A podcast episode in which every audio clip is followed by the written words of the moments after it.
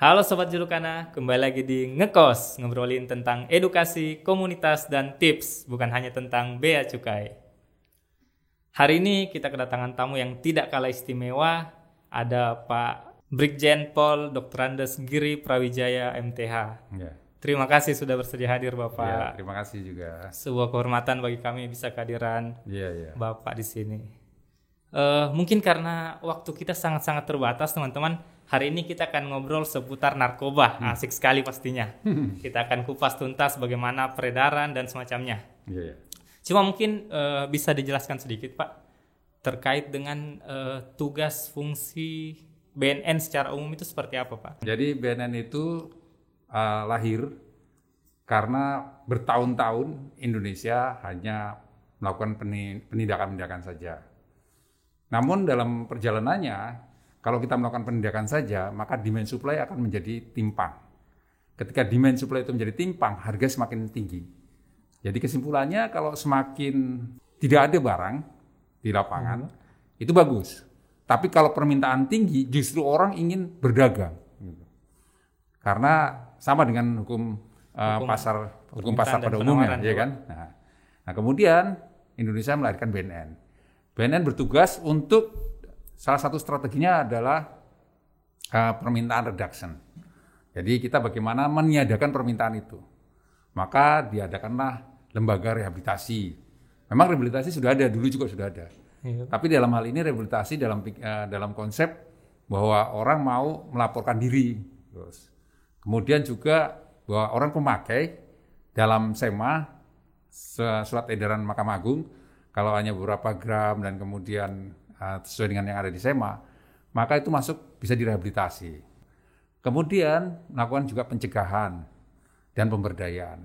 Pencegahan itu kepada orang per orang dan pemberdayaan itu kepada kelompok, kemudian membuat ah, volunteer-volunteer dan kemudian mengkampanyekan terus. Dan kita BNN itu bertugas di samping melakukan pemberantasan juga melakukan kampanye. Kampanye. Kampanye ya kalau kita bilangnya pencegahan dan pemberdayaan ya kan. Sehingga kita harapkan bukan hanya barangnya yang ditiadakan tapi permintaannya juga ditiadakan gitu. ya kira-kira itulah tugasnya BNN. Berarti BNN di sini tidak hadir hanya sebagai dalam tanda kutip pemadam kebakaran saja ya, Pak. Betul. Ketika ada kejadian baru datang, tidak Betul, ya, Pak. betul, iya, iya. Eh, kalau di Sulawesi Selatan sendiri, Pak, ini kan tadi ada upaya untuk meniadakan permintaan ya, Pak. Iya, iya, iya. Seberapa besar kira-kira Pak permintaan di Sulawesi Selatan? Jadi di Sulawesi Selatan ini kalau dalam 2019 itu masuk dalam 16 besar di seluruh provinsi. Tetapi kalau menurut pendapat saya, eh, secara pribadi hipotesisnya, tidak ada satu provinsi pun atau tidak ada satu kabupaten pun yang bisa bermegahkan diri tidak ada narkoba. Kalau bilang tidak ada narkoba, itu hanya keterbatasan dari kemampuan eh, para aparatnya juga. Jadi artinya sebenarnya semua daerah itu ada, hanya tidak terungkap. Gitu. Oh, Nah itu sebabnya Presiden mengatakan bahwa sekarang ini darurat uh, narkoba. Narkoba. Ya, gitu. ya terima kasih lah kalau BNN juga bisa bekerja berhasil selama ini menangkap. Salah satunya dibantu oleh Bea Cukai, ya kan. Bahkan beberapa uh, target-target penting justru dari Bea Cukai karena Bea Cukai yang punya klasifikasi untuk uh, membuka khususnya dalam hal pengiriman-pengiriman paket, ya kan. Gitu. ya terima kasih kita seperti itulah gitu. berkolaborasi ya, Pak. Karena itu eh, apa? Kalau dibilang statistiknya daerah mana yang lebih tinggi? Di sebenarnya kalau statistik boleh-boleh aja kita bilang bahwa oh ini daerah tertentu saya nggak mau sebutin namanya nanti kom- komplain yang punya. Nah, daerah-daerah tertentu lebih tinggi, daerah ini lebih lebih rendah apa semua. Tapi pada dasarnya semua itu ada gitu. Iya iya iya. iya. Tapi kalau kecenderungan peningkatan atau penurunan, Pak, khususnya di saat ini kan kita pandemi ya, Pak. Iya iya. iya. Apakah ada statistik yang menunjukkan bahwa oh ada peningkatan atau ada penurunan? Nah, jadi sama konsep hipotesis saya juga sama peningkatan dan penurunan. Cuman pada saat pandemi mereka lebih rileks untuk melakukan pergerakan itu, sehingga justru di pandemi ini kita lebih banyak tangkapan-tangkapan besar. Di tahun ini saja eh, yang saya dengar itu dari Polda aja mungkin sudah lebih dari 40 kilo ya, gitu. Kalau BNN sendiri sudah 120 kilo, gitu. Nah ini Kenapa bisa terungkap itu? Sebenarnya dari dulu juga sudah ada, tapi tahun lalu masih taraf uh, lidik, ya kan? Nah, diungkapnya tahun ini gitu. Jadi kalau menurut saya ya kembali lagi. Jadi bukan peningkatan, tapi kemampuan daripada daripada aparatnya dan kerjasama kolaborasinya yang meningkat sehingga bisa lebih banyak terungkap. Itu hipotesis saya begitu. Oh, saya juga mungkin punya asumsi seperti ini, Pak. Uh, ini kan juga salah satunya terkait dengan pola pikir masyarakatnya, Pak. Hmm. Nah, di saat ini salah satunya adalah ada upaya-upaya untuk legalisasi ganja, misalnya hmm. seperti itu, Pak. Hmm. Nah, menurut Bapak itu uh, seperti apa, Pak? Jadi legalisasi ganja memang sejak uh, dasar tahun 61 ya, jadi konvensi PBB kalau nggak salah tuh ya, uh, ganja masuk dalam golongan uh, satu. Bukan, bukan. Untuk ini untuk internasional oh, ya. Siap. Dari internasional itu masuk golongan 4 ke 5 gitu, Pak. Yang paling berat nih Nah, sekarang diturunkan sama mereka. Tapi itu khas. Kemudian pada saat diturunkan itu hasil kesepakatan. Jadi 27 uh, negara berpihak pada pada uh, setuju untuk dilegalkan, 25 tidak dilegalkan. Nah, yang jadi pertanyaan, apakah kebenaran itu bisa di voting? Kebenaran itu tidak bisa di voting itu.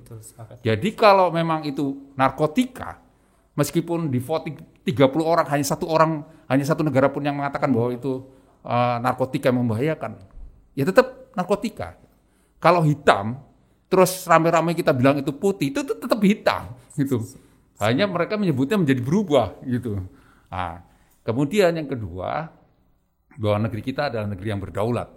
Jadi kita tidak perlu untuk mengikuti negara lain karena Indonesia itu jumlahnya 297 orang 297 juta itu kalau nggak salah tahun-tahun lalu ya 2018 2019. Nah, 70 persen di antaranya itu adalah usia produktif. Nah itu diperkirakan tahun 2030 kita akan menjadi negara yang bonus demografi. Artinya semua masyarakat kita ini yang produktif itu akan menjadi orang-orang yang berproduksi. Jadi kita diharapkan pada tahun 2030 kita tidak bergantung lagi pada hasil-hasil pemberian Tuhan seperti minyak bumi, kelapa sawit dan sebagainya. Tetapi juga imajinasi-imajinasi dari kita yang bisa kita ekspor. Sama ini kan imajinasi masih kurang ya. Tapi kalau ke depan kita harapkan imajinasi itu bisa kita ekspor. Nah, ini perlu dipersiapkan dari sekarang. Salah satunya pendidikan, ekonomi yang kuat dan semuanya. Nah, jangan sampai dihancurkan oleh narkoba. narkoba. Salah satunya adalah ganja. Siapa bisa jamin? Ya, ya. Untuk saat ini kita biarlah negara kita belajar saja dari negara yang melegalkan. Kita ingin tahu. Bahkan isunya, saya nggak tahu kebenarannya. Untuk negara Amerika dan beberapa negara, Belanda, dia akan meninjau kembali. gitu. Siapa bisa kontrol? Ini negara terbuka, negara besar. Kalau lihat petanya, di antara dua berdua gitu. Terus apa yang bisa bisa kontrol ya. kalau itu dilegalkan gitu loh. Kalau untuk negara besar saja sudah mau meninjau kembali, kenapa kita harus upayakan ya Pak? Iya, iya, iya. iya. Kira-kira seperti itu. Nah mungkin kita mau uh, masuk ke terkait dengan peredarannya nih Pak. Mm-hmm. Uh, sejauh ini modus yang ditemukan di lapangan seperti apa Pak? Yang paling umum terjadi gitu Pak? Oh sekarang kan zamannya COD ya. Jadi kontrol ya ini beberapa dari rekan-rekan ya kami dari hati kami yang paling dalam secara pribadi dan secara kesatuan mengucapkan terima kasih kepada uh, Bea Cukai Sulawesi bagian selatan, selatan ya Sulawesi bagian selatan yang terus bekerja sama dengan kami ya Salah satunya adalah seperti dari uh, ekspedisi ya. Jadi dengan yang sekarang yang tren lewat ekspedisi gitu. Walaupun kami juga sudah uh, melakukan pergerakan-pergerakan di luar dengan intelijen yang ada di BNNRI sana ya intelijen tapi juga kan untuk detailnya kapan datang dan kemudian kapan masuknya terus pengecekan secara konkretnya kan rekan-rekan dari BC yang punya akses oh. untuk sana ya gitu loh. Apalagi kalau itu datangnya dari luar negeri gitu. Datangnya dari luar negeri yang punya akses untuk masuk dan kemudian posisi pelaku duduk di mana di iya, di pesawat. pesawat nah, juga yang punya punya akses ke sana ya kan. Di samping teman-teman dari imigrasi juga tentunya iya. ya. Nah, karena karena ya kita mengucapkan terima kasih lah untuk itulah. Jadi jadi uh, trennya sekarang ini lebih banyak COD. Mungkin karena keterbatasan pergerakan ya, juga ya Pak. Iya, jadi jadi begini sekarang ini lawan musuh itu mengambil uh, apa mem memilih musuh gitu. Jadi dulu dia masukkan besar-besar, tapi berapa kali Polda tangkap 40 kilo, hmm. terus BNN untuk tahun ini 98 kilo. Nah, dia kalau rugi-rugi betul habis gitu. Nah, dia pilih buat yang kecil-kecil. 400, ya besar juga sih sebetulnya. tapi menurut mereka kecil gitu. 40 gram, 50 gram, 400 gram dengan harapan tidak ditangkap sama Polda dan BNN. Dia harapkan cuman ditangkap sama misalnya Polsek gitu. Nah, tapi ternyata sekarang saya sudah informasikan juga ke Pak Kapolda dan kita sama-sama sekarang besar kecil kita hajar semua.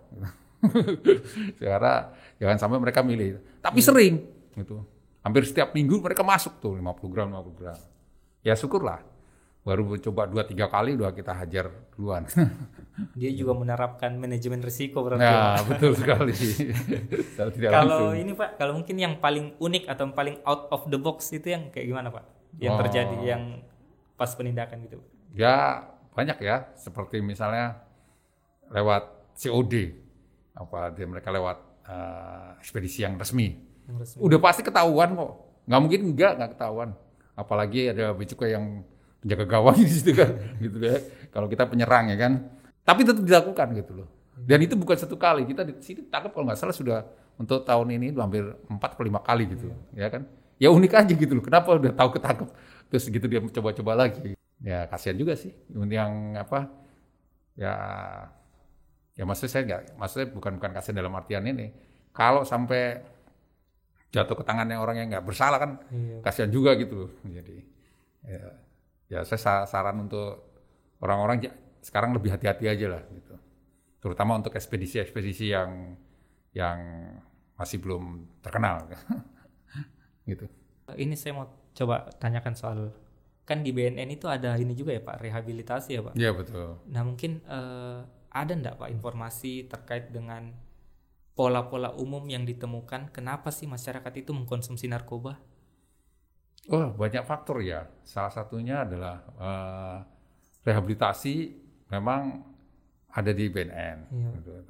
Terus kenapa orang memakai narkoba? Itu karena propaganda. Jadi propaganda itu kalau dalam kamus bahasa Indonesia adalah sesuatu yang disebarkan untuk informasi.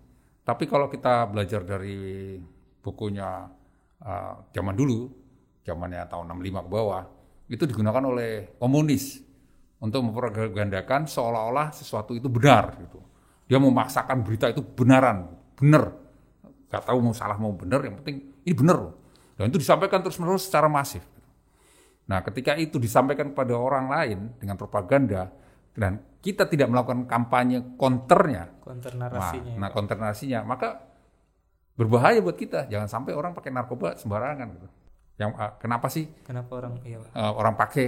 Ya itu karena otaknya lebih terisi sama propagandanya daripada sama kampanyenya. Nah, itu sebabnya saya meminta bantuan kepada rekan-rekan semua, khususnya rekan-rekan di Becukai dan penggemar Becukai dan penonton Becukai untuk melakukan kampanye karena memang penanggung jawab BNN dalam hal ini. Tetapi yang bekerja harus semuanya. semuanya gitu ya. Jadi semuanya kita harus melakukan kampanye. Beda loh propaganda dengan kampanye. Iya, ya.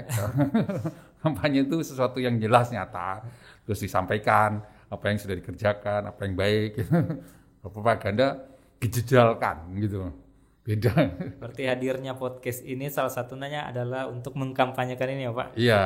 War on drugs nah, gitu Dan ya, juga Pak. jangan lupa bahwa ada Impres 02 tahun 2020. Itu semua uh, impres itu diterbitkan oleh Bapak Presiden, kemudian melalui Menko Polkam untuk semua lembaga, instansi pemerintah ya. dan daerah untuk sama-sama pertama melakukan uh, sosialisasi. Dan ini adalah bentuk daripada Becukai melakukan sosialisasi, dan pelaksanaan Impres 02 itu. Gitu. Kedua melakukan deteksi dini tes urin. Itu ada banyak di situ, tapi itu salah satunya. Dan saya terima kasih karena itu diabsensi oleh Jakarta dalam hal ini kepada oleh Presiden setiap enam bulan sekali, oh. Juli dan Desember. Jadi ini juga sekalian nanti tolong dilaporkan juga ke Jakarta, terus uh, tembuskan ke kami untuk nanti dimasukkan dalam Inpres 02 juga itu uh, laporannya bahwa juga sudah melaksanakan. Tapi intinya bukan itu, intinya adalah apa pun bidang saudara, apa pun bidang uh, talenta saudara, ayo sama-sama. Jangan sampai tunggu dulu ada keluarga besar yang kena narkoba, baru kir sama narkoba. Gitu. Karena ya narkoba itu bukan musuhnya BNN, tapi musuh semuanya gitu. Hanya BNN sebagai organisernya iya. untuk melawan mereka. Gitu.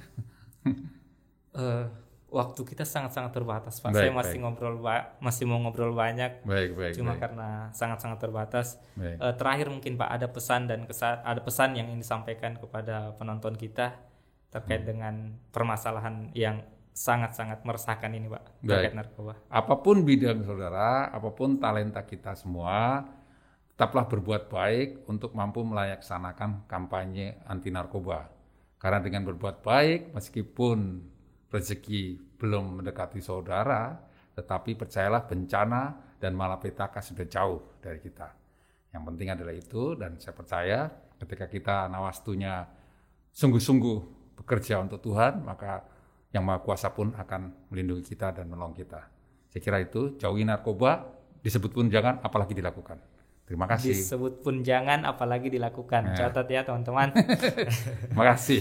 Baik, itu tadi Stop pembahasan narkoba. singkat kita terkait dengan narkoba dengan Pak Brigjen Pol Dr. Andes Giri Prawijaya MTH. Iya. Terima kasih buat teman-teman yang nonton. Sampai jumpa di episode selanjutnya dan see you. Bye bye.